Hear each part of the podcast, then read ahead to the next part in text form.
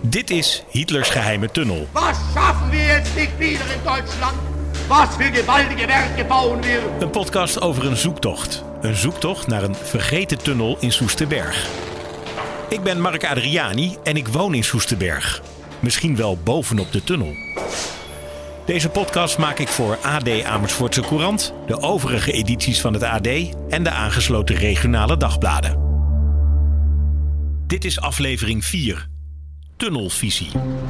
Nee, was het is langer dan een kwartier. Maakt niet uit. Ja, ik, ik ben Mark. Hi. Ja, Ruurt. Ja. Ik heb een afspraak met Ruurt Kok. Eh, ja, ik dacht hier qua parkeren handig. Ja. Het is niet zomaar een afspraak. Ik houd er rekening mee dat Soesterberg last heeft van tunnelvisie. Er wordt al jaren gespeculeerd over een tunnel, maar er is nog niets gevonden. Ook niet door mij.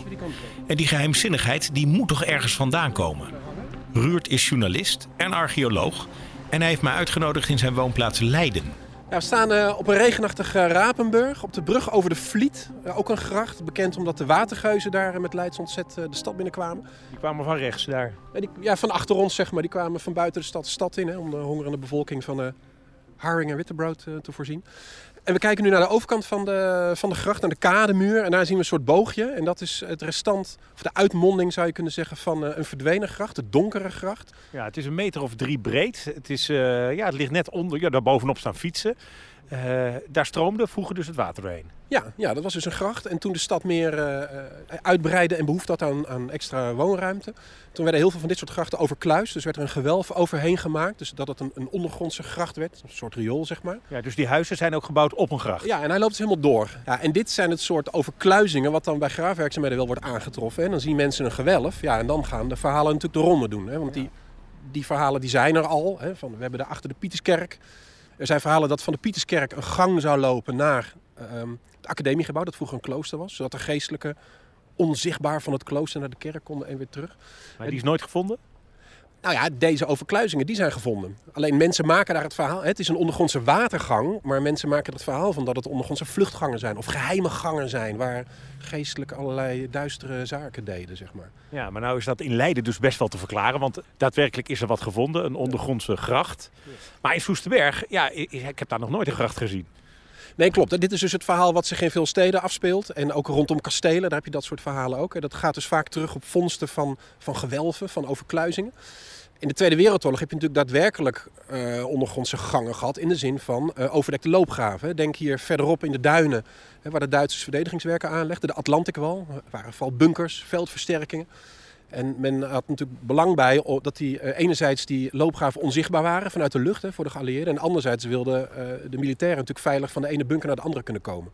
Dus daarom zijn er in de duinen wel degelijk ondergrondse gangen aangelegd eh, om die bunkers te verbinden. Maar dat is dus een heel ander verhaal. Dat zijn dus echte ondergrondse gangen. Daar is, ja, die waren ook geheim tijdens de oorlog. Ehm, maar ja, dan, die hadden een duidelijke functie. Een duidelijke functie, daar gaat het om. En die duidelijke functie voor een lange gang lijkt er in Soesterberg niet te zijn. Maar ja, waar komen die verhalen dan vandaan? Misschien is er toch door iemand ooit iets gezien dat op een gang lijkt. De verhalen in Soesterberg zijn hardnekkig. Ruurt kan dat wel verklaren. Ja, ik denk dat het vaak te maken heeft met eh, bijzondere gebouwen. Als je het hebt over deze stad. Ehm, de kerk, zo'n klooster, gebouwen waar de gewone man niet in kon. Waar misschien verhalen over gingen. Wat gebeurt daar allemaal? Ja, en dan vind je zo'n gewelf. Nou, 1 en 1 is 2, hè, dan interpreteert men dat. Ehm, en natuurlijk, zoals in Soesterberg, dat officierscasino, is ook zo'n geheimzinnig gebouw. Hè, waar tijdens de oorlog je natuurlijk niet in kwam. Eh, nou ja, mooi voorbeeld. Laatst was ik in eh, Villa Maarhezen in Wassenaar. Daar zat tijdens de Koude Oorlog eh, ja, zeg maar de Nederlandse CIA. En nou, ik heb dat bezocht, dat gebouw, ook in de kelder. En jawel hoor, ook daar weer het verhaal van... Ja, er was hier tijdens de Tweede Wereldoorlog, eh, toen zaten de Duitsers er... was hier een vluchtgang naar de villa hiernaast. Hè, maar dan zie je ook weer typisch zo'n geheim gebouw... Hè, wat dan in de oorlog gebruikt is. Waar, ja, eh, die, die, die verhalen die poppen gewoon op. Hè. En, en daar zit ook wat, daar zit een kelder en daar zitten allerlei gemetselde dingen... Ja, ook daar zie je dan weer 1 en 1 is 2. Het is een geheimzinnig gebouw. Je ziet iets, iets wat lijkt op een gang. Ja, dat moet dan wel een geheime gang zijn. En ik dat, denk dat dat bij dat officierscasino ook zo is. Geheim gebouw. Ja, daar horen gewoon gangen bij. Men- mensen hebben kennelijk behoefte aan dat soort verhalen, zeg maar. Wellicht ook gevoed door, door jongensboeken hè, over geheime gangen. En er zijn, wat ik zeg, in de Mergelgod natuurlijk wel geheime gangen met spannende avonturen. Dus ja, het, het voorziet natuurlijk gewoon in een behoefte van een iets.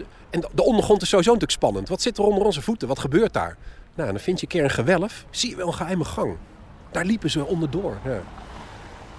Inderdaad, het officierscasino is een geheimzinnig gebouw. In de oorlog mocht niemand naar binnen.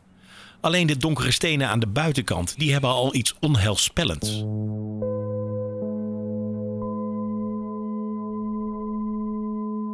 Verhalen over geheime gangen heb je op veel plekken. Toch is dat geen reden om de zoektocht dan maar te staken. Dat hoeft ook niet, want er is ondertussen goed nieuws uit Soesterberg. Ik mag achter de hekken kijken van het Militaire Museum op de vliegbasis. Goedemorgen. Goedemorgen. Ik heb een, eh, ik heb een afspraak met eh, Alfred. Alfred. Ik ga Alfred even bellen. Ogenblik graag. Alfred Staarman is zijn volledige naam.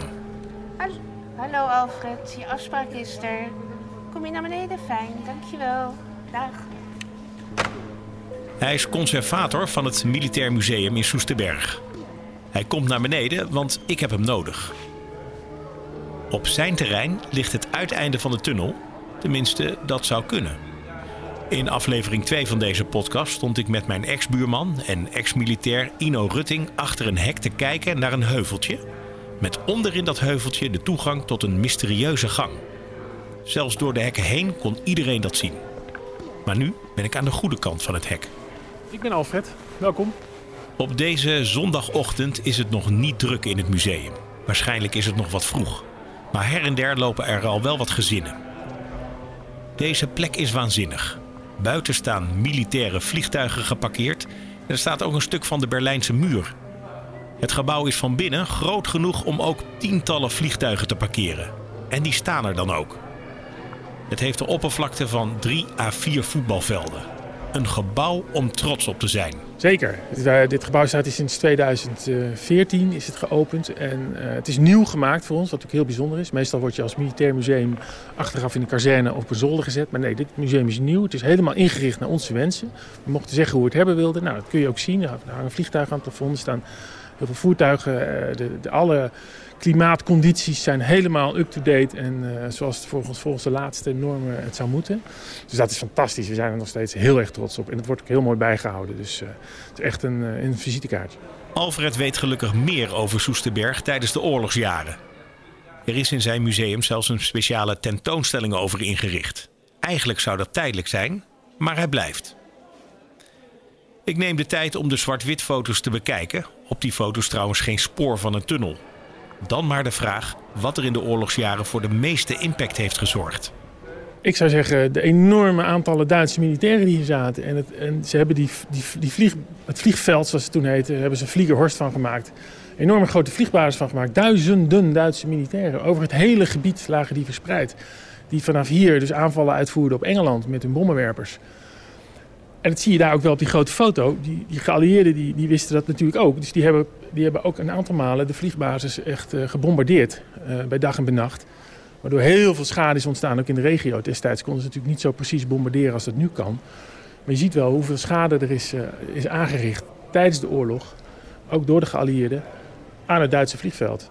Toen ze hier kwamen spraken ze over een woestijn. Ze hebben dus verharde startbanen gemaakt. Ze hebben ze verlengd, vergroot. Heel gebied in gebruik genomen. En dat hebben ze vervolgens ook allemaal weer gesloopt toen ze weggingen. Maar goed, de, de, de layout van het banenstelsel zoals we dat nu nog zien, is wel uh, te danken aan de Duitsers. Dus dat is, zeg maar, de Duitsers hebben het, uh, het zo neergelegd zoals het er nu nog eigenlijk te zien is. En daarna, vervolgens na de oorlog, kwamen hier de Amerikanen, die hebben het ook weer vergroot. Dus de baan werd steeds langer. Uiteindelijk is die drie kilometer lang. Dat is, dat is van na de oorlog. Het is mooi om iemand met zoveel passie te horen praten. Alfred wijst me nog even op een Duitse legerhelm. Die is pas geleden nog toegevoegd aan de collectie. Hij lag bij iemand in Lage Vuurze op zolder. En nu keurig in een glazen kastje met een spotje erop. Niet te veel afdwalen, denk ik bij mezelf. De tunnel. Daar gaat het om. De tunnel zou er onder meer zijn om hoge militairen, of misschien wel Hitler zelf, ongezien van A naar B te laten gaan. Op Hitler werd 42 keer een aanslag gepleegd, dus onder de grond zal hij zich ongetwijfeld veiliger voelen. Maar hij kwam uiteindelijk nooit in Nederland. Zijn plaatsvervanger wel, Herman Geuring. Ook hij was zijn leven niet zeker. Lachend staat hij op een foto en die is gemaakt in Soesterberg. ik denk het hoogste bezoek, zoals we dat zouden kunnen zeggen. Uh, de grootste boef die we hier bezoek gehad hebben was Herman Geuring, de, de Luftwaffenbefehlshaber, zoals hij dan genoemd werd. En uh, het is wel leuk hoor, in verband met roofkunst, hè, tegenwoordig een hot issue. De, de heer Geuring die heeft meegenomen hier vandaan een vliegtuig terug naar Duitsland. Een Fokker D7. Die staat overigens nog steeds in een Duits museum. Wordt niet teruggegeven. We weten precies waar die staat. Maar goed, dat terzijde. Ja, nee, Geuring die heeft hier de vliegbasis bezocht. In, ik denk in een tournee door, door Nederland. Geuring is dus de hoogste nazi-militair die hier geweest is. Zijn bijnaam was Der Dieke. En dat komt door zijn gezette postuur. Kijkend naar de foto's kan ik me die bijnaam wel voorstellen. En als souvenir nam hij ook nog een vliegtuig mee. Maar ja, antwoord op de belangrijkste vraag krijg ik niet, helaas. Liep hij ooit in die geheime tunnel? En is die tunnel voor dergelijk hoog bezoek gebouwd? Ja, want dan wou ik deze even laten zien, maar dan moet ik misschien Hans inspringen. Kijk hier. Er zit hoe dan ook iets onder de grond naast dit museum. Dat heb ik met mijn buurman Ino met eigen ogen gezien. Weliswaar op een afstandje, maar het was duidelijk dat Paul naast het museum een gang begint. Een collega van Alfred haakt aan. Dit is zijn onderwerp. Hij kan bevestigen dat er een gang onder de grond zit. Klopt, ja, er is een tunnel. Klopt, ja. Er is een tunnel. Dat zegt Hans van Breukelen, niet die voormalig keeper van PSV en het Nederlands elftal, maar iemand die regelmatig rondleidingen geeft met toevallig dezelfde naam. Veel stelt die tunnel volgens hem niet voor. Uh, die eindigt uh, na een meter of tien. En dan uh, is het een, uh, een, muur en die is dichtgemetseld. Onder, die, ja, onder dat heuveltje met, met gras begroeid. daar, daar, daar zit een tunnel in, die stopt na 10 meter. Dat is toch heel onlogisch? Waarom zouden ze dat gedaan hebben? Nou, mogelijk dat de tunnel iets langer is geweest. En dat die, uh, we hebben wel gezien dat er een schuilplaats is geweest. Dat was tijdens de bouw van het museum, of de voorbereiding, een schuilplaats is geweest van de Duitsers in de buurt ongeveer van die commandobunker waar die tunnel zou lopen. En dat zou mogelijk uh, de reden zijn dat die tunnel daar liep, zodat ze vanuit die commandobunker naar die schuilplaats kunnen. Het vermoeden van mijn ex-buurman Ino Rutting lijkt dus niet te kloppen. De tunnel, die begint onder het heuveltje, gaat van een commandocentrum van de Duitsers naar een ondergrondse schuilplaats en dus niet helemaal naar het officierscasino. Als ik heel eerlijk ben, had ik liever wat anders gehoord. Maar er zijn nog veel vragen. Hoe zit het bijvoorbeeld met die schuilplaats? Ja, er zit een, uh, het is een, een ondergrondse bunker inderdaad. Uh, wat we zien is een, uh, een dikke betonnen bunker met een, een tekst daarin, rauchen verboten. Wel, wel, logisch, want er was weinig, weinig frisse lucht natuurlijk. En mogelijk dat die tunnel gelopen heeft tot dit, deze schuilplaats. Maar is deze schuilplaats, is er nog? Nee, die is vrij snel nadat die ontdekt is, is die vernietigd, zeg maar. En waarom, geen idee. ik denk dat hij geen bestemming had in het, in het hele geheel. We lopen die kant op. De ondergrondse schuilplaats is bij de bouw van het museum weggehaald. Helaas. Ik merk aan Alfred en Hans dat ze dat zelf ook wel jammer vinden. Wie weet zou het wel verwerkt kunnen worden in de vloer van het museum. Dat je door een glazen vloer naar beneden kon kijken. Maar helaas, bij de bouw van het museum is alles weggehaald. Gelukkig is de toegang tot de tunnel er nog wel. In de motregen lopen we er naartoe.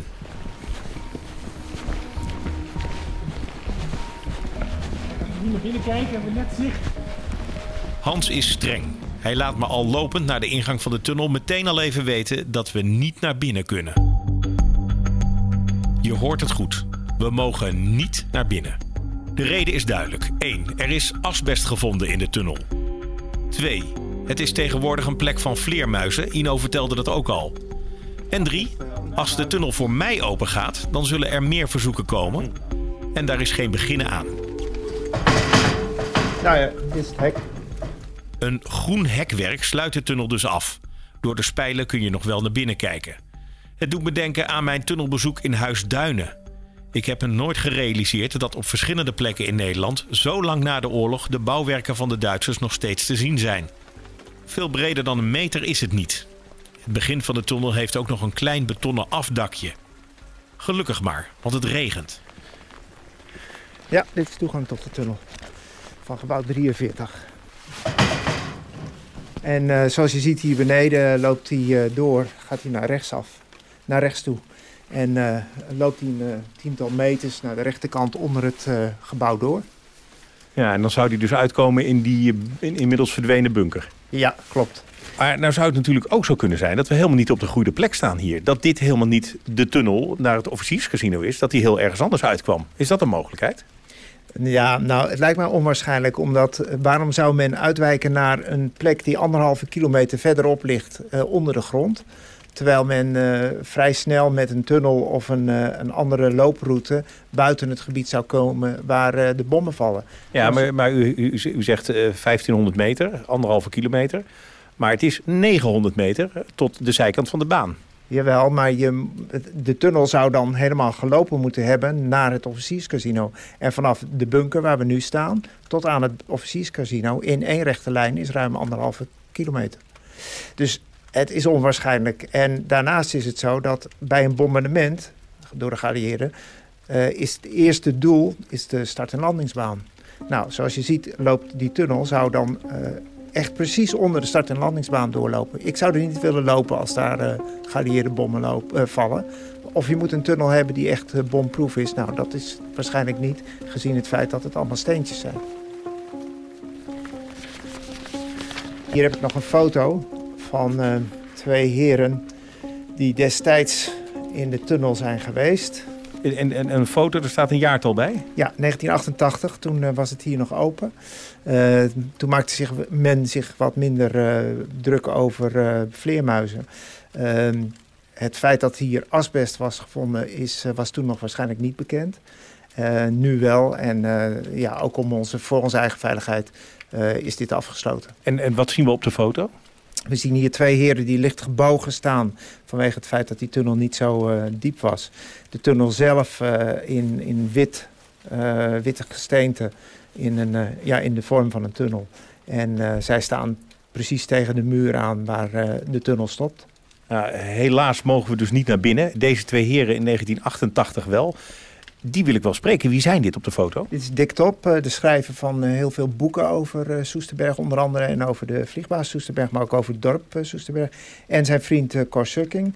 eh, woont nog steeds, Cor Sukking woont nog steeds in Soesterberg. En Dick komt eh, met enige regelmaat bij hem eh, overnachten, want Dick eh, woont in eh, Noorwegen. Cor Sukking woont inderdaad nog in Soesterberg.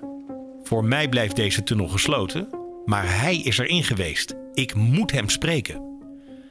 Zijn naam komt me bekend voor. Toen ik net in Soesterberg kwam wonen, had hij een drogisterij. Inmiddels heeft Soesterberg een kruidvat. De winkel van Cor Sukking is er niet meer. Hij zelf nog wel.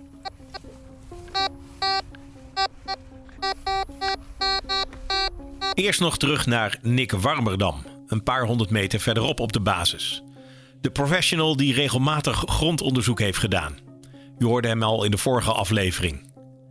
Hij speelt nog wat met zijn metaaldetector, vooral omdat ik hem dat gevraagd heb, want het klinkt zo lekker in deze podcast. Hij weet dat ik het ga hebben over de tunnel. Zo'n tunnel, hoe mooi zou het zijn om die te vinden? Ja, dat, klopt. Dat is ook wat wij eh, altijd hopen te vinden. Uh, onder de grond liggende bunkers, funderingen, tunnels. Ehm, alleen de, de tunnel, waar ook naar ons werd gevraagd, ook de mensen aan het hek, van goh, hebben jullie de tunnel al gevonden die hier naar de basis zou moeten lopen? Die he- zijn wij eh, hier niet tegengekomen. Ja, want vertel eens, hoe ging dat? Je bent dan hier aan het werk met, eh, met de officiële kleren aan, met een heel team aan het zoeken. Ja. En dan komen de Soesterbergers naar je toe. Ja, sowieso zijn ze natuurlijk heel benieuwd. Dat is logisch, want er wordt hier, eh, de vliegbasis was altijd al een mysterie. Dat is afgesloten. En wij zijn nu aan het graven. En wat we tegenkwamen was ook nog eens materiaal wat, wat niemand zou verwachten. Natuurlijk, niemand verwachtte die luchtafweerstelling. eh, niet iedereen. De mensen die hier al lange onderzoek doen natuurlijk wel. En toen kregen we ook de vraag van... Goh, ja, ik heb hier wel eens wat, wat, wat, wat dingen gezien en gevonden. En jullie hebben ook allemaal baksteen gevonden. Eh, zijn dat nou de resten van de tunnel? Toen dacht ik in de eerste al, ook welke tunnel dan? Want ja, die zit hier op een militaire basis. Dus aan- ja, ook veel onderzoek aan de Atlantico, aan de kust. Daar heb je ook gangenstelsels, ook een tunnel. Die kunnen 10 meter lang zijn, 100 meter lang zijn, 200 meter lang. Toen kwam de aap uit de mouw dat de tunnel was die helemaal vanaf de officierscasino hier naartoe liep. Ja, en toen hadden wij al een beetje sceptisch van ja, ja zou zo'n tunnel er dan wel zijn? Nou, hier, in ieder geval op het stuk aan de Batenburgweg waar wij gestaan hebben, niet. En ook eh, bij de oude verkeerstoren, daar hebben we hem ook niet teruggevonden. En een hele hoop funderingen en een hele hoop baksteen. Maar allemaal van, van, eh, ja, uit de vlakstellingen, uit de luchtafweerstellingen, van bunkertjes, van de oude woningen. Maar de, de bewuste tunnel, die is nog goed verborgen als die er zit. De bewuste tunnel is dus nog niet gevonden. Nogal logisch. Als dat zo was, was ik nooit begonnen aan deze podcast. Toch is het wel veelzeggend dat Nick nog niets is tegengekomen. Maar dan denk ik aan mijn bezoek aan Huis Duinen. Je weet wel, de vorige aflevering. Een Duits gebouw uit de oorlog, deels met dezelfde functie als dit casino in Soesterberg. En een prachtige tunnel. Gelukkig maar, Nick sluit het niet uit. Er zit natuurlijk een gradatie in, in tunnels. Je hebt er eentje die honderden meters of kilometers ver uh, naar een basis loopt. Wat eigenlijk enorm veel materiaal kost, enorm veel tijd kost. Wat je op luchtfoto's ook ziet. Wat natuurlijk, het is een enorme operatie, enorm veel mannen en enorm veel materiaal verschaft. Wat, ja, of dat nou heel erg nuttig is, dat, dat weet ik niet. Het materiaal kan je beter elders inzetten. Maar een kleine vluchtgang, je weet in de kelders daar... Uh, hebben ook uh, militaire instanties gezeten. Die is ook goed versterkt. Uh, je wil wel op de een of andere manier een vluchttunnel hebben. Dus een kleinere tunnel vanuit de kelder, dat is iets wat, wat, wat ik denk dat je niet kan uitsluiten. En wat misschien ook eventueel wel logisch is. Dat hebben we vaker gevonden. Kijk, Duin heeft er natuurlijk één. Er zijn meerdere panden die uh, gewoon een hele korte vluchttunnel hebben. En in geval van nood, mocht het gebombardeerd worden, mocht je er niet uit kunnen. Om in ieder geval nog ergens anders nog een, een veilige vluchthaven te hebben. Ja, conclusie, geen lange tunnel, wat jou betreft maar een korte. Ja, dat, dat zou kunnen. Moet natuurlijk wel eerst nog wat meer onderzoek doen. Het is, uh, ja, het is lastig om nu te zeggen. Dus eigenlijk zou je oude bouwtekeningen moeten bekijken uh, of die er zitten. Uh, oude luchtfoto's bekijken. Want als er zo'n enorme bouwcampagne is geweest van die hele lange tunnel, dan moet je die kunnen zien. Want je ziet dan gewoon hier heel netjes, hier, de bodem bestaat hier uit een heel mooi licht, licht, ja, mooi licht zand. Als je dat omhoog haalt, dan ga je dat zien als een enorm lange baan.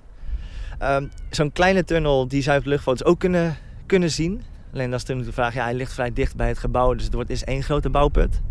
Um, en verder zou je natuurlijk archeologisch ook kunnen kijken met bodemradar of gewoon in de, in de kelder zelf. Eigenlijk daar beginnen. We moeten naar binnen. Ja, we moeten naar binnen om te kijken of er ergens dichtgemetselde dingen zitten. Uh, want dat zou dan wel moeten. Als je, dat, uh, ja, als je een, een, een, tunnel verwacht die vanuit de kelder loopt, dan moet je ergens in de kelder aanwijzingen kunnen zien. En dan is het de vraag of, of ze dat niet hebben weggewerkt na de oorlog. Maar ergens zouden dan aanwijzingen moeten, moeten zitten. En anders buiten het gebouw. Op zoek naar aanwijzingen. De bodem bestaat uit licht zand. En als er gewerkt is in het verleden, dan kun je dat nog zien op luchtfoto's. Luchtfoto's. Meteen denk ik aan Ino, mijn ex-buurman. Ik weet nog dat hij jaren geleden heel trots een luchtfoto op de kop heeft weten te tikken. Maar ja, is die foto gemaakt in de oorlogsjaren? En heeft hij hem nog? Met Ino. Hey Ino, met, uh, met Mark. Hé, hey Mark. Is het nieuws op boven water of niet? Van de tunnel? Nee, nog geen tunnel, jongen. Oh. Nee, maar wel druk bezig. Ik had uh, in dat kader meteen ook een vraag aan jou. Ik heb een uh, archeoloog gesproken. Ja. En die zei van, je moet eigenlijk op luchtfoto's kijken. Want op luchtfoto's kun je zien dat ze in de grond gewerkt hebben. Omdat hier in Soesterberg zandgrond is, zie je dat meteen. Dan, dan zie je zeg maar een, een lichte bovenlaag. Ja, ja. Um, ja, verstoringen. Ja, ik kan me herinneren, maar ik, ik, weet niet zeker of jij dat was. Maar volgens mij heb jij een keer uh, een luchtfoto van iemand gekregen. Klopt dat? Uh, ja, dan zou ik wel even moeten zoeken. Maar ik heb volgens mij een hele mooie luchtfoto van, uh, van de vliegbaas Soesterberg. En volgens mij uit de jaren 43 of 44. Oké, okay, dus wel de oorlogsjaren. Ja, ja. En weet jij of daar het casino ook op staat? Ja, volgens mij wel. Een heel groot deel van Soesterberg staat erop. En het vliegveld helemaal. Dus uh, ja, de casino staat er wel op. Nou, uh, ik, ik, ik, hoop dat je even met een vergrootglas of zo kan kijken. Ook even rond dat gebouw, want er gaan ook wel verhalen dat er misschien niet een hele lange tunnel was. Hè, dus zeg maar de hele baan naar, naar Soesterberg. Maar dat er ook wel een korte vluchtgang geweest moet zijn. Dus dat okay. moet rond dat gebouw liggen. Ja, oh, dat uh, vind ik wel leuk. Ja, dat is wel interessant. Uh, het, het, is een volgens mij een redelijk scherpe foto. Dus uh, ja, daar wil ik best wel even naar kijken. Ja. Waar, waar, ligt hij op zolder? ja, ik denk het wel. Oké, okay, nou zoeken. Bij andere foto's, maar ik, ik ga me het tevoorschijn toveren. Dat vind ik wel leuk. Laat even weten, ik ben leuk. Ik wel nieuwsgierig. Okay. Ik laat het je weten. Oké, okay, dank je. Hoi. Oké, okay, hoi hoi. Dat is afwachten. Het wordt tijd dat we naar binnen gaan in het officierscasino. We staan dan opeens in de grote zaal waar ik al zoveel over gehoord heb. Uh, hij is eigenlijk intact gebleven zoals hij ooit is gemaakt door de Duitse bezetter destijds. Met een mooie houten vloer, grote vrije hoogte. Ik verwacht wel een meter of tien dat hij is. De originele kroonluchters hangen er nog in. En dan achter in het podium, uh, dat ook monumentaal is. Dat wij ook bij de toekomstige ontwikkelingen zo laten. En ook vind ik Cor Sukking, de man die naar het schijnt in 1988 in de tunnel op de basis is geweest. Ik confronteer hem met zijn eigen foto. Hey, dit fotootje, daar ben ik bij geweest. En dit zou dus lijken op een gang waar de mensen het altijd over hebben. Van het, het oude Weermachtsheim, zoals het heette vroeger, naar het vliegveld. En ik duik volgende keer in het mysterie van het casino. Hitler was dol op architectuur. Misschien wel logisch dat zijn soldaten hier in Nederland zo'n reusachtig gebouw hebben gekregen om te kegelen en te genieten van cabaret. De huisarchitect van Hitler heette Albert Speer. Ja, Speer is beroemd geworden van de zogenaamde ruïnenwerttheorie, de, de waarde van ruïnes. Uh, en dat wilde Speer in gedachten voor Nazi-Duitsland evenaren. Hij wilde bouwen zodanig dat over duizend jaar denken, het duizendjarige rijk, dat over duizend jaar als misschien andere gebouwen uh, gerealiseerd zouden worden. Dat de eerste gebouwen misschien ruïnes zouden worden, maar nog net zo mooi zouden zijn. Nog net zo mooi als de klassieke in Griekenland en Italië. Meer hoor je in aflevering 5 van Hitlers geheime tunnel. Dit is een podcast van AD Amersfoortse Courant, de overige edities van het AD en de aangesloten regionale dagbladen. De podcast is gemaakt door mij, Mark Adriani. Wil je reageren? Stuur een bericht naar mark.adriani.nl. Eindredactie Kevin Goes, montage Peter Kroon.